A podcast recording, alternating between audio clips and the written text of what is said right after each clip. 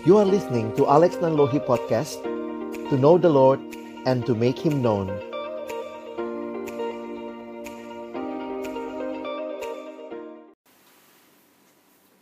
Mari kita sama-sama berdoa menyiapkan hati kita sebelum kita membaca dan merenungkan firman Tuhan.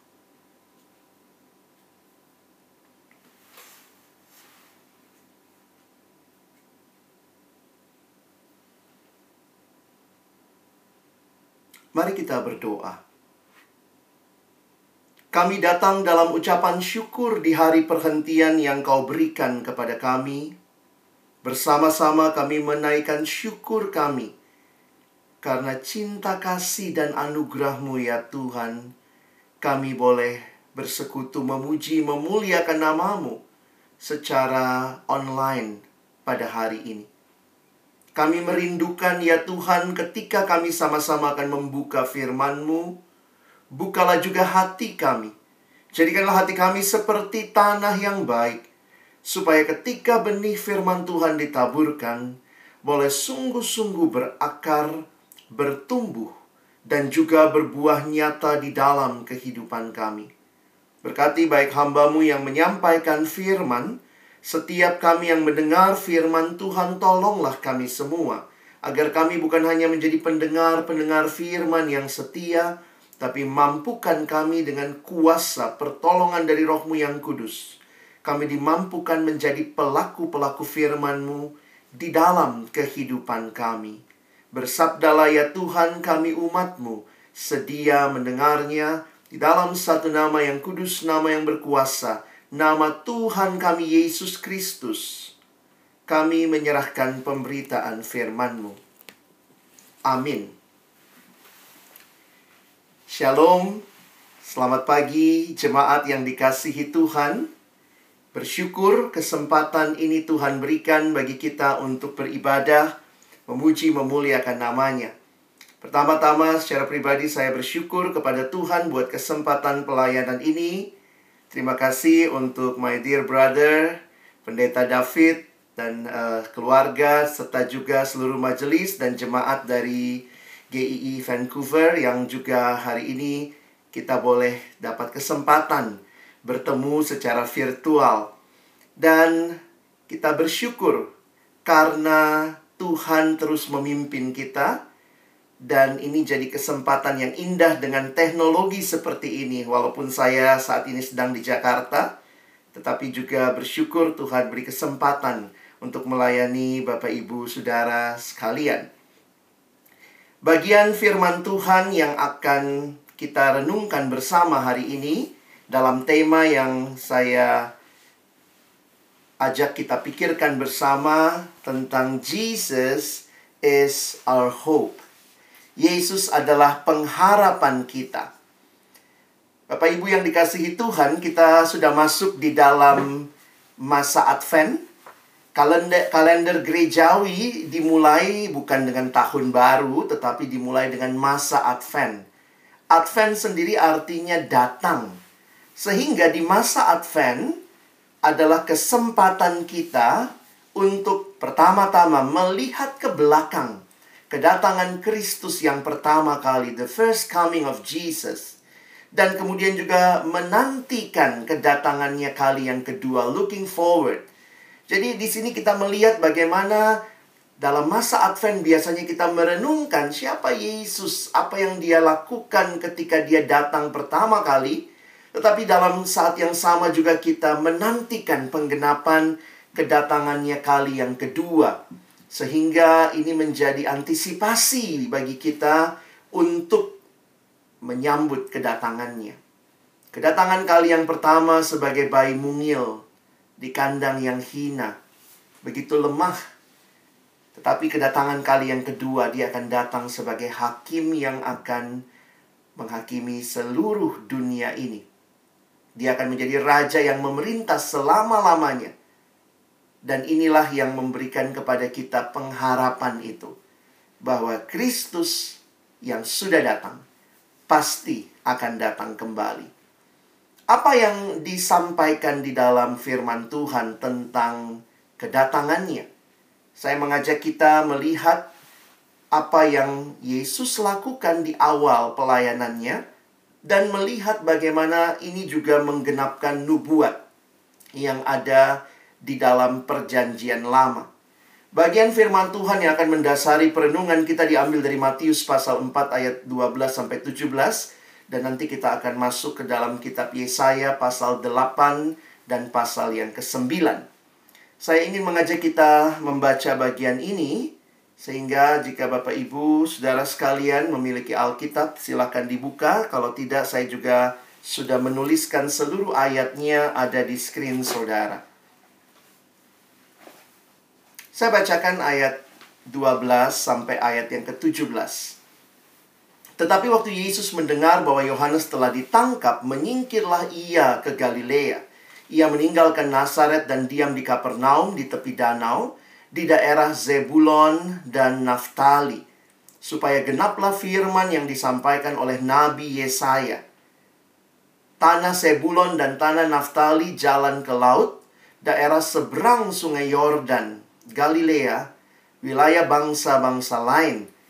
Bangsa yang diam dalam kegelapan telah melihat terang yang besar, dan bagi mereka yang diam di negeri yang dinaungi maut telah terbit terang. Sejak waktu itulah Yesus memberitakan bertobatlah sebab kerajaan sorga sudah dekat. Jemaat yang dikasihi Tuhan, ini adalah bagian awal pelayanan Yesus yang dicatat di dalam Injil Matius. Bahwa kedatangan Yesus, pelayanan yang akan dia lakukan, menggenapkan apa yang sudah disampaikan oleh Nabi Yesaya. Bagian yang dikutip di sini di dalam ayat 4 eh, pasal 4 ayat 15 dan 16. Ini adalah apa yang juga dinyatakan di dalam kitab Yesaya. Kalau saudara memperhatikan di mana sih daerah Sebulon dan Naftali?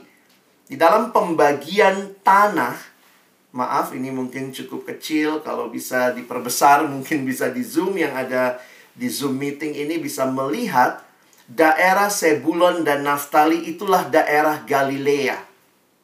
Jadi ini menggenapkan bahwa Yesus akan memulai pelayanannya di Galilea. Saya pikir ada begitu banyak ayat-ayat firman Tuhan yang begitu luar biasa digenapi dalam diri Yesus. Sehingga ini pasti bukan kebetulan. Apalagi jika kita melihat bahwa nubuat ini disampaikan ratusan tahun sebelumnya. Nah, sehingga saya ingin mengajak kita melihat juga dalam kitab Yesaya, di mana kita melihat Yesaya bernubuat tentang kedatangan Mesias kurang lebih 700 tahun sebelum kelahiran Yesus. Dan ayat yang kita baca tadi, bangsa yang berjalan di dalam kegelapan telah melihat terang yang besar. Mereka yang diam di negeri kekelaman atasnya, terang telah bersinar. Saudara, mungkin kalau kita baca ayat ini, kita tidak mengerti apa yang jadi konteks dari bacaan kita. Karena itu hari ini saya ingin mengajak kita belajar bagian ini dan kita mengerti kondisi sebelum ayat satu ini disampaikan. Kenapa Tuhan berkata bangsa yang berjalan di dalam kegelapan telah melihat terang yang besar? Ada apa yang terjadi? Sehingga terang itu begitu rupa memberikan harapan.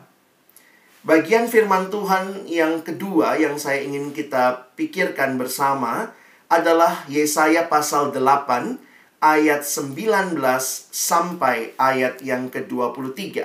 Kalau saudara melihat di Alkitab, ini sebelum, persis sebelum Yesaya 9 ayat 1.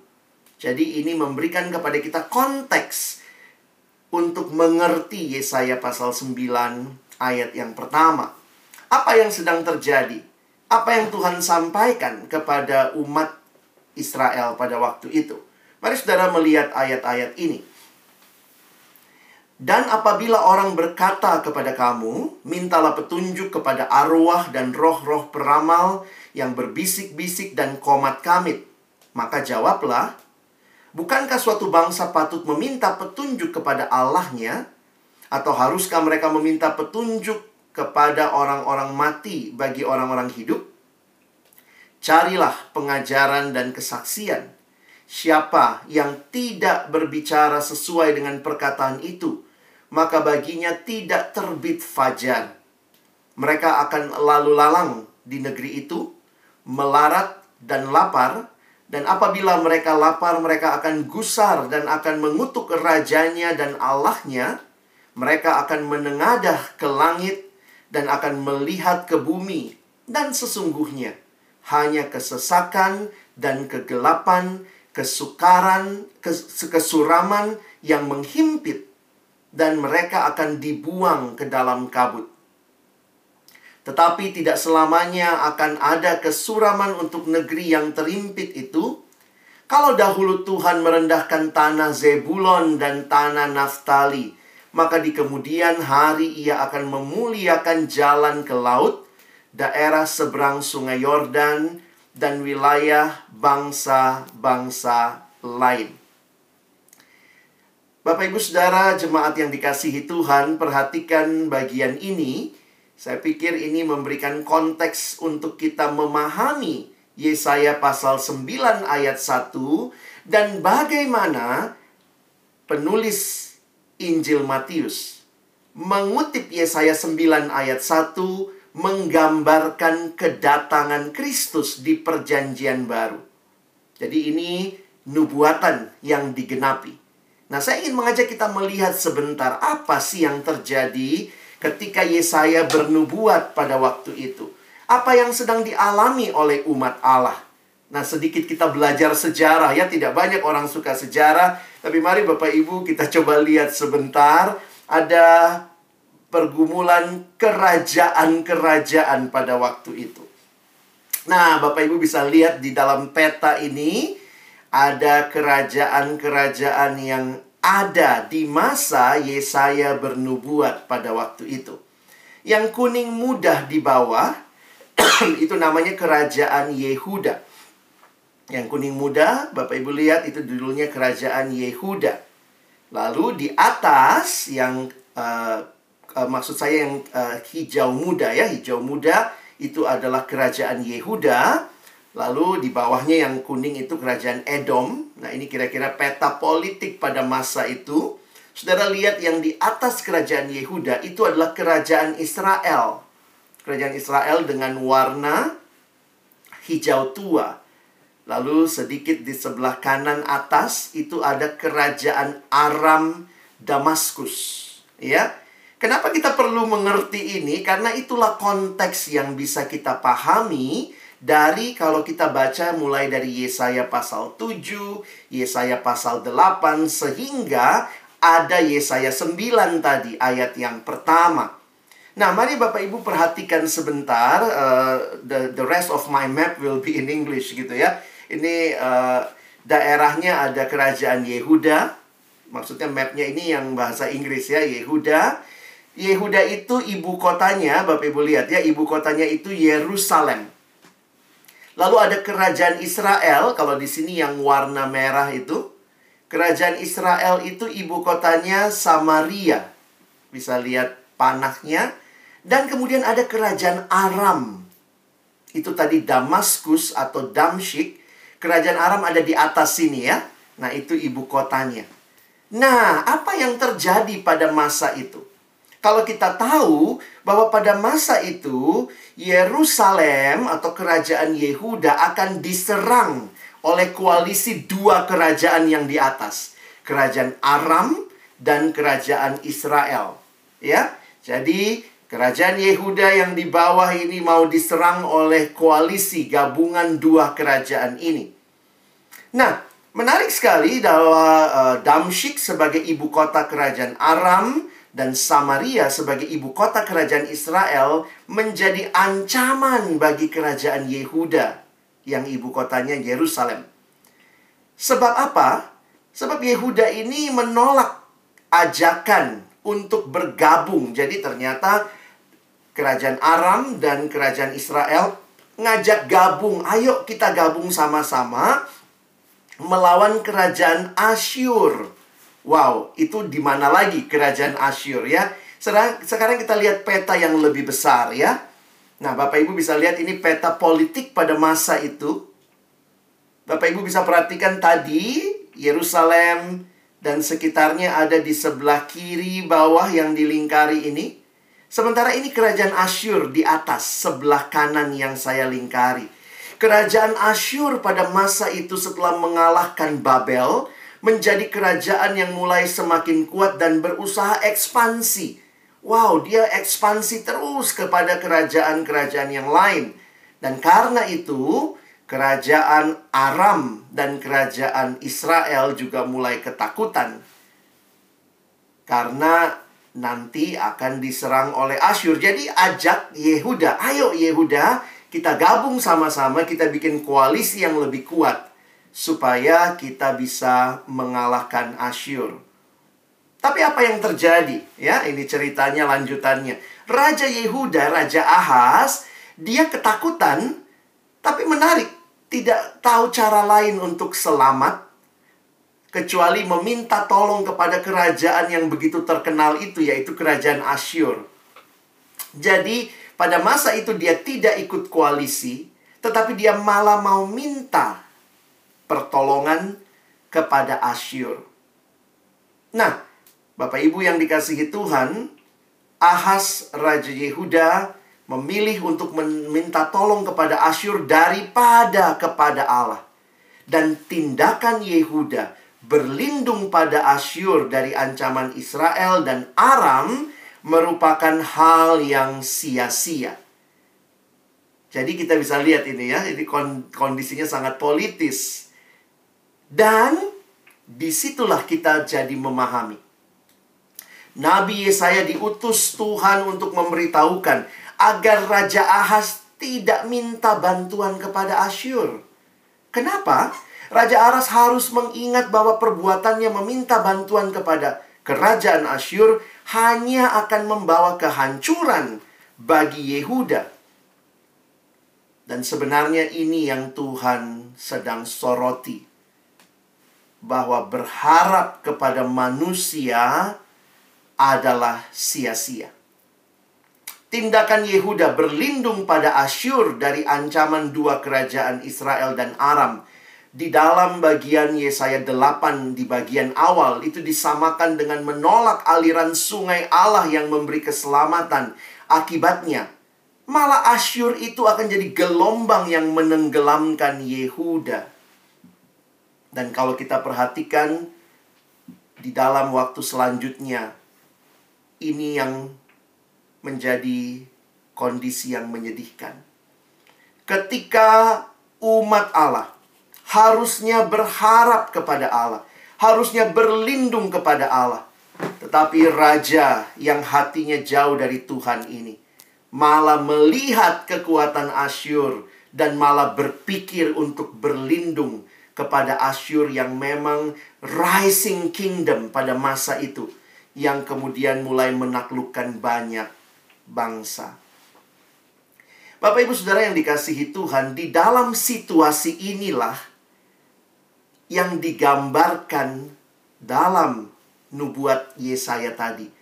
Inilah kesuraman. Inilah situasi yang gelap.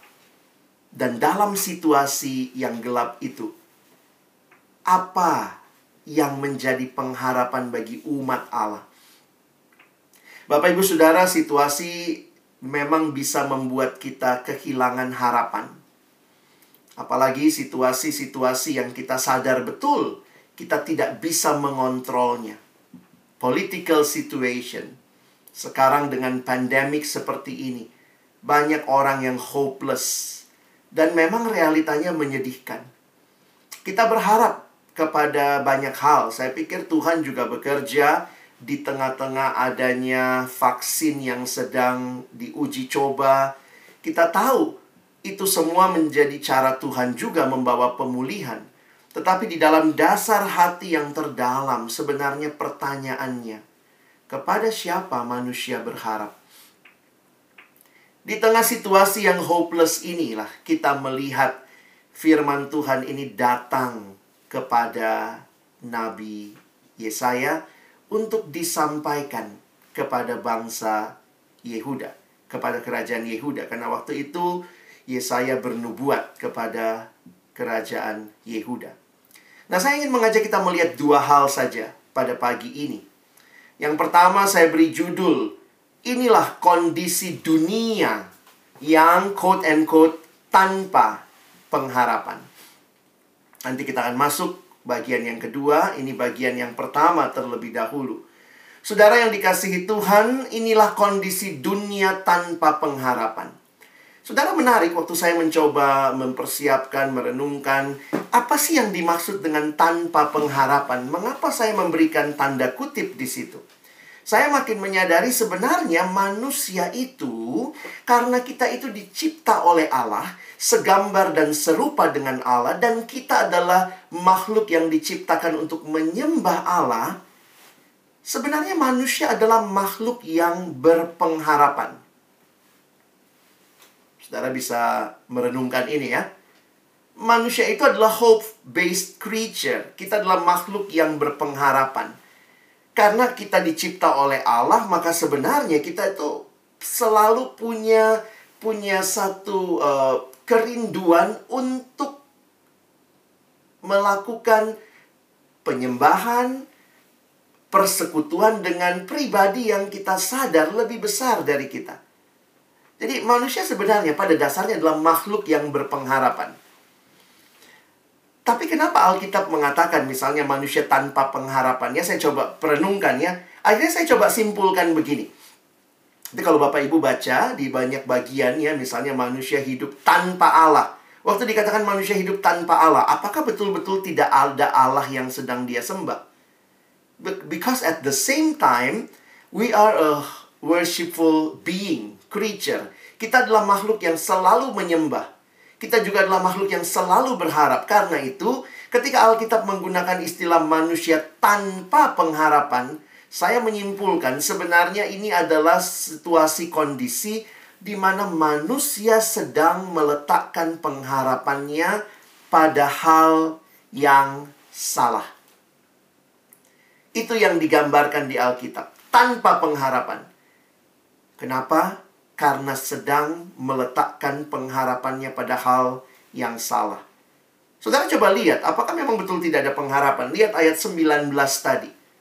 Perhatikan, ternyata mereka berharap pada Allah yang palsu.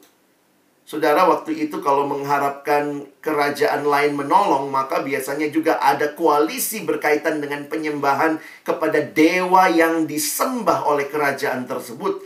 Sehingga ini bukan sekedar persekutuan politik, tetapi persekutuan yang juga terjadi persinahan rohani karena akhirnya berharap justru kepada Allah yang palsu. Ayat 19 mengatakan, Mintalah petunjuk kepada arwah dan roh-roh peramal yang berbisik-bisik dan komat kamit. Maka jawablah, bukankah suatu bangsa patut meminta petunjuk kepada Allahnya? Atau haruskah mereka meminta petunjuk kepada orang-orang mati bagi orang-orang hidup? Bukan demikian seharusnya cara hidup umat Allah.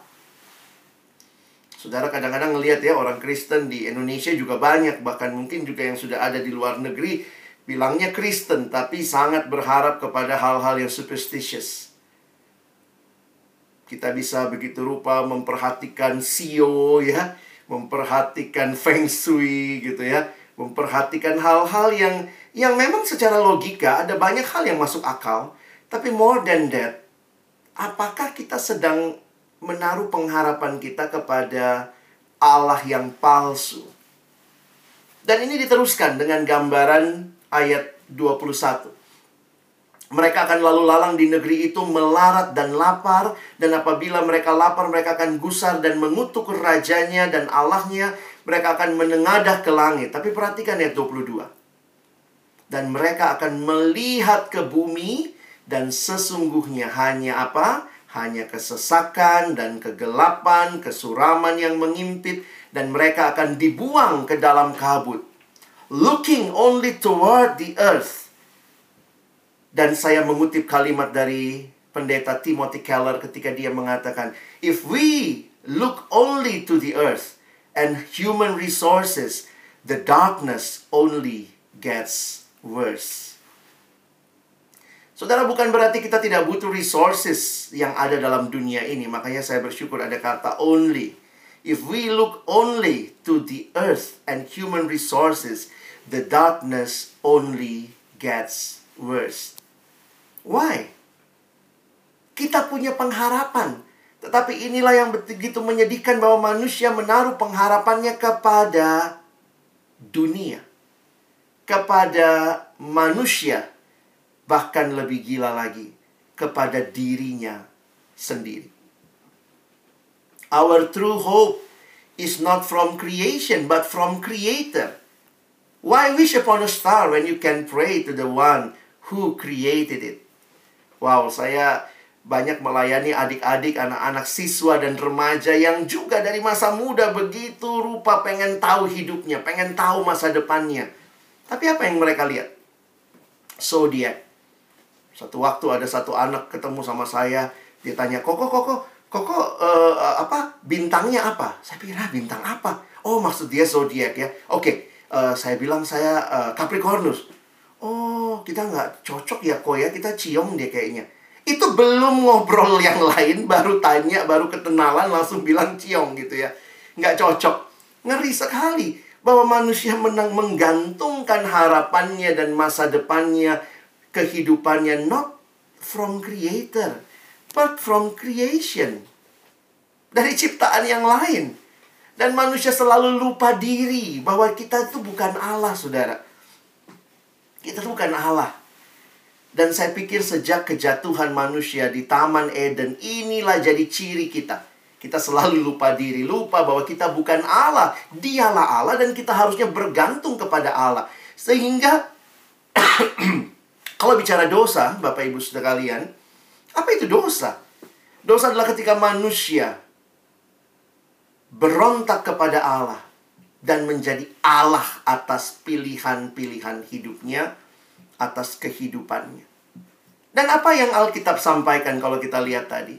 Berharap pada hal yang salah, menggantungkan diri kepada hal yang salah, maka akhirnya tanpa pengharapan sin membawa kita kepada hopeless end.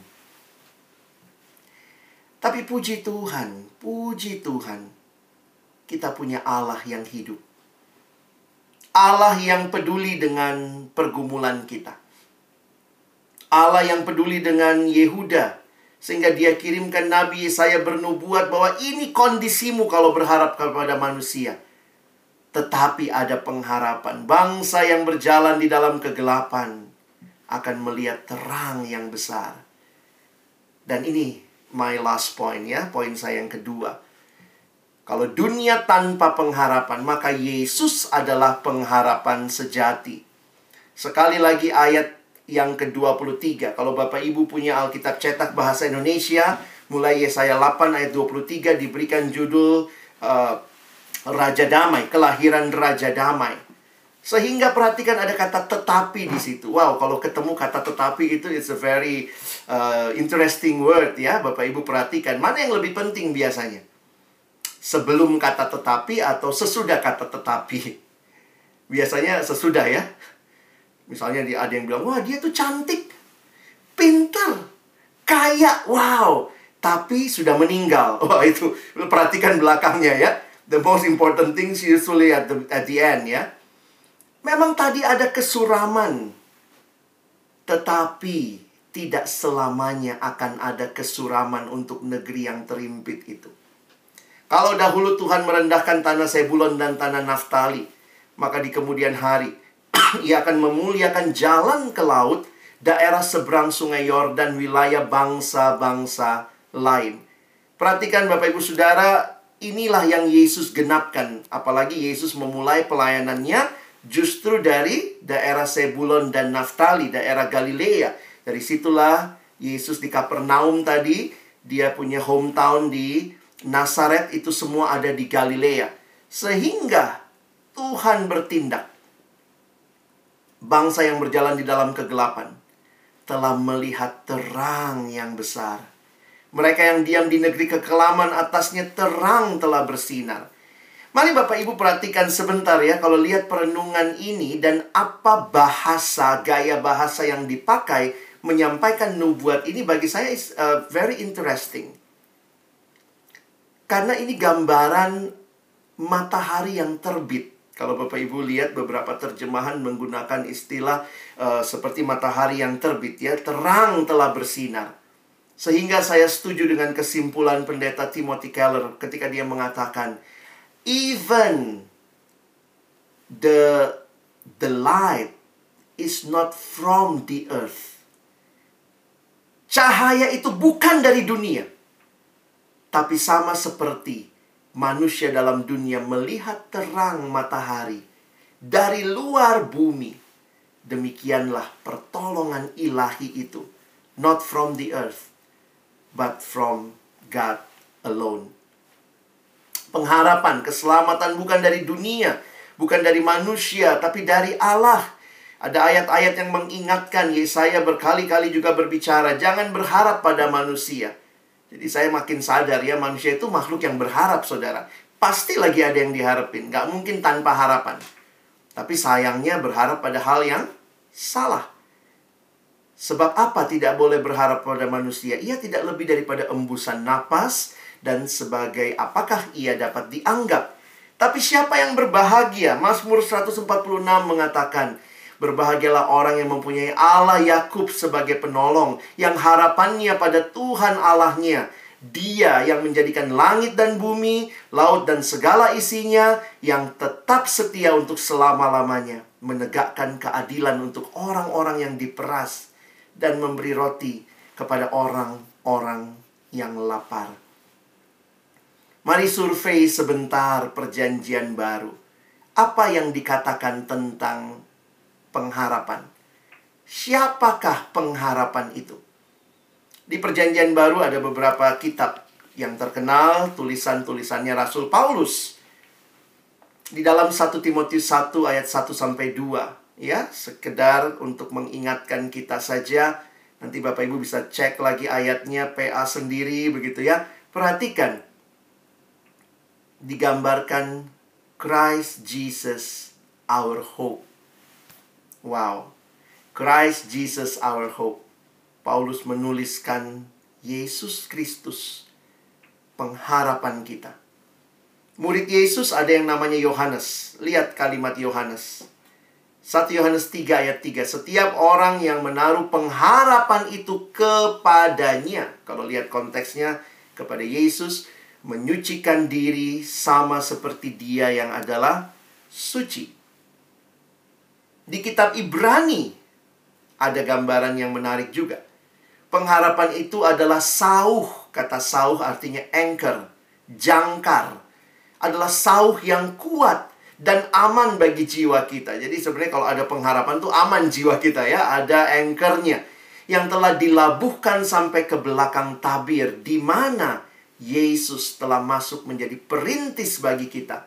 Ketika ia menurut peraturan Melkisedek menjadi imam besar sampai selama-lamanya. Jesus is our anchor. Is our hope. Paulus, Yohanes, penulis kitab Ibrani, Coba lihat apa yang Petrus sampaikan. Menarik sekali kalimat Petrus di dalam 1 Petrus 1 ayat yang ketiga. Kalimat yang dia katakan bahwa melalui kebangkitan Kristus, born again to a living hope through the resurrection of Jesus Christ from the dead. Dalam bahasa Indonesia, perhatikan kalimatnya. Yang oleh kebangkitan Yesus Kristus dari antara orang mati. Kepada suatu hidup yang penuh pengharapan. Saudara, hidup penuh pengharapan karena Yesus bangkit dari antara orang mati. Wow. We have a living hope because we have a living Savior. Yesus tidak tinggal mati di dalam kubur. Siklus hidup manusia normal, lahir, hidup, mati. Itu siklusnya. Lahir, hidup, mati. Tapi di dalam Kristus bukan itu saja. Lahir, hidup, mati, bangkit. Sehingga apa yang kita lihat mustahil seolah-olah kematian menjadi titik terakhir manusia. Buat kita yang ada di dalam Kristus, lihat Yesus bangkit. He is a living Savior, then we have a living hope. Kita punya pengharapan yang hidup. Yang digambarkan di dalam ayat yang keempat ya menerima suatu bagian yang tidak dapat binasa, yang tidak dapat cemar, dan yang tidak dapat layu, yang tersimpan di sorga bagi kamu. Mari Bapak Ibu Saudara yang dikasihi Tuhan, saya sadar betul virus corona ini sudah jadi masalah dunia. Ini awalnya cuma masalah kesehatan kan, tapi sekarang sudah jadi masalah sosial, bahkan jadi masalah ekonomi, masalah politik bahkan, juga jadi masalah pendidikan, anak-anak harus belajar di rumah, menjadi masalah spiritual, gereja harus seperti ini. Dan mungkin sekali we fear of the future. What will happen in the future? Tapi kembali hari ini, saya pikir Tuhan ingin kita melihat kepada Dia. Dan ada beberapa pemikiran yang saya ingin sampaikan untuk kita sama-sama pikirkan. Pertama, God never promises that we will never be disappointed. Coba ingat baik-baik pengalaman kita. Saya pikir kita bukan orang yang menipu diri ya. Wah ini nggak apa-apa, corona itu biasa begitu ya. Apalagi ketika mungkin Bapak Ibu Saudara ada yang terkena dampaknya. Yang terkena langsung dampaknya. Mungkin karena keluarga kita ada yang kena atau bahkan ada yang meninggal saya melihat bahwa Tuhan tidak pernah berjanji kita akan melalui hidup yang tidak punya masalah. No. Dan bahkan masalah-masalah itu mungkin sekali mengecewakan kita.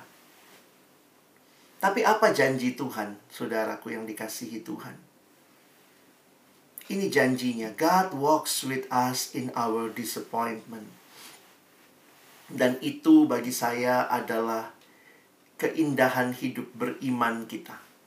Kalau saudara mau jadi orang Kristen tanpa masalah, saudara salah pilih ya. Yesusnya aja lewat jalan salib, masa kita mau lewat jalan tol, jalan bebas hambatan. Kadang-kadang saya pikir Tuhan terima kasih engkau melalui jalan salib, tapi engkau tetap taat kepada Allah. Itu jadi teladan buat kita. Bahwa jalan salib yang begitu menyakitkan, begitu menyedihkan, mungkin ada onak dan duri. Tapi Tuhan hadir menyertai perjalanan kita. Sehingga hidup itu adalah sebuah perjalanan bersama Yesus. Dan karena ada Yesus, harapan kita selalu bisa maju, melangkah bersama dia. Berharap adalah gaya hidup. Ini dari Paul David Tripp. Dia berkata, hope is a lifestyle. Sebenarnya menarik, saudara ya. Harapan itu apa sebenarnya? Itu sangat abstrak.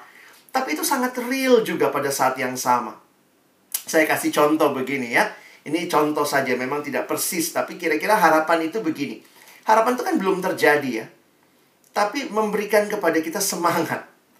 Mungkin ada orang tua yang bilang sama anaknya begini, kalau kamu belajar dengan baik, eh, bisa lulus, eh, bisa naik grade, maka oke, okay, kita akan liburan ke Eropa. Ya, jadi kalau belajar baik-baik, eh, lulus ujian, bisa naik grade-nya, maka kita akan liburan ke Eropa. Anak itu diberikan harapan seperti itu. Apakah sudah liburan ke Eropa? Oh, not yet. Tetapi harapan itu, oh, akan ke Eropa. Ketika mungkin anak itu lagi struggle dengan ujian dia. Aduh, kayaknya I wanna give up. Aduh, susah sekali. But again, think, wow, saya mau ke Eropa. Dengan orang tua saya. Mereka berjanji dan orang tua saya tidak pernah ingkar janji. Sehingga itu memberikan semangat. It's not really happen yet gitu ya. Tetapi itu memberikan semangat untuk kita maju. Dalam hidup ini kalau kita punya pengharapan kepada Kristus. Bahkan ketika kita mengalami pergumulan yang paling berat sekalipun. Saya sedang mendampingi seorang teman. Mendampingi dalam arti saya bilang kita jadi prayer partner ya kita sedang mendoakan mamanya yang lagi cancer, stadium akhir dan ini menjalani proses kemo kali yang kedua. Kadang-kadang kalau lihat situasinya harus di kemo dan kemudian lihat begitu suffer, rambut sudah uh, gugur. Tapi kemudian jadi sadar ada pengharapan. Kita tidak tahu ujungnya seperti apa dalam proses pengobatan ini apakah berhasil atau tidak. Tapi hidup kekal milik mamanya. Beberapa hari ini dia bilang saya ajak mama berdoa dan pernah kemarin dia lupa ajak mamanya berdoa malah mamanya yang mengingatkan. Ayo kita doa begitu ya. Sehingga saya pikir iya ya, bukan masalah sembuh atau tidak saja.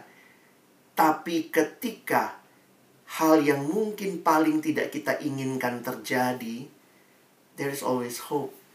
She will always be with her Savior. Saudara nggak mudah, tidak mudah ya. Saya kehilangan papa saya dalam masa pandemi ini. Papa meninggal uh, Juni yang lalu karena uh, sakit tua ya. Dan itu sangat sulit buat kami karena membawa ke rumah sakit atau tidak di rumah atau di rumah sakit karena memang uh, virus ini kita sulit sekali bawa ke rumah sakit berarti kalau kita juga takut kalau ternyata tahu-tahu dia positif atau reaktif saja maka dia harus diisolasi terpisah dari kami sementara dia sudah demensia dan begitu rupa. It's not easy for us. But there is always hope. Melihat bahwa Tuhan punya rencana, kami sudah melakukan yang terbaik yang kami bisa lakukan sebagai anak-anak. Tapi Tuhan tahu yang terbaik dan dia memberikan yang luar biasa. Tuhan memberikan kepada papa saya perhentian yang kekal harapan itu akan membentuk cara hidup kita. Harapanlah yang akan menyebabkan kita membuat keputusan-keputusan yang kita ambil. Dan karena itu kurangnya harapan membuat kita merasa mandek dan hidup tanpa motivasi. Saudaraku yang dikasihi Tuhan, jemaat yang saya kasihi. Saya tidak tahu apa pergumulan saudara sekarang. Tuhan pun tidak berjanji mengenyahkan pergumulan itu, tapi Tuhan sedang mengingatkan kita. Pandanglah padaku. Natal sekali lagi menjadi kesempatan kita melihat bahwa Allah peduli dengan kita. Allah tidak lepas tangan. Allah tidak cuci tangan atas pergumulan manusia. Tapi lihatlah Natal, Allah turun tangan dan menjabat tangan kita, memberikan kepada kita pengharapan yang kekal. Sehingga saya tutup dengan kutipan yang indah ini. Jesus turns your hopeless end into endless hope. Apakah ini juga pengalaman saudara yang sekali lagi siap menyambut Natal? Natal bukan sekadar kemeriahan, tetapi Natal adalah cahaya terang ilahi turun ke dalam dunia memberikan kita pengharapan sehingga kita tidak berakhir dengan hopeless end tapi kita berakhir dengan endless hope. Selamat memasuki masa Advent. Pandanglah Yesus because Jesus is our hope. Amin. Mari kita berdoa Tuhan terima kasih banyak karena firman-Mu ya dan amin. Dan firman-Mu itulah yang kami percaya juga memberikan kepada kami kekuatan di dalam kami menjalani masa-masa yang sulit dalam hidup kami. Mungkin setelah pandemi ini berakhir, ada juga kesempatan-kesempatan pengalaman hidup yang sulit yang mungkin akan kami alami. Tapi bersama dengan Yesus kami dikuatkan. Kami dimampukan untuk terus berjalan berharap kepadamu, melewati situasi-situasi yang sulit dengan bergantung penuh kepadamu. Dan bahkan kami bisa jadi berkat buat orang lain. Karena pengharapan itu bukan hanya berhenti pada diri kami. Tapi kami mau bagikan kepada mereka yang belum kenal Yesus. Kiranya mereka kenal siapa satu-satunya Tuhan dan Juru Selamat yang memberikan pengharapan yang kekal. Terima kasih Tuhan. Kami bersyukur karena kami boleh dihiburkan oleh firman-Mu, diteguhkan. Dalam nama Yesus kami bersyukur, kami berdoa. Amin.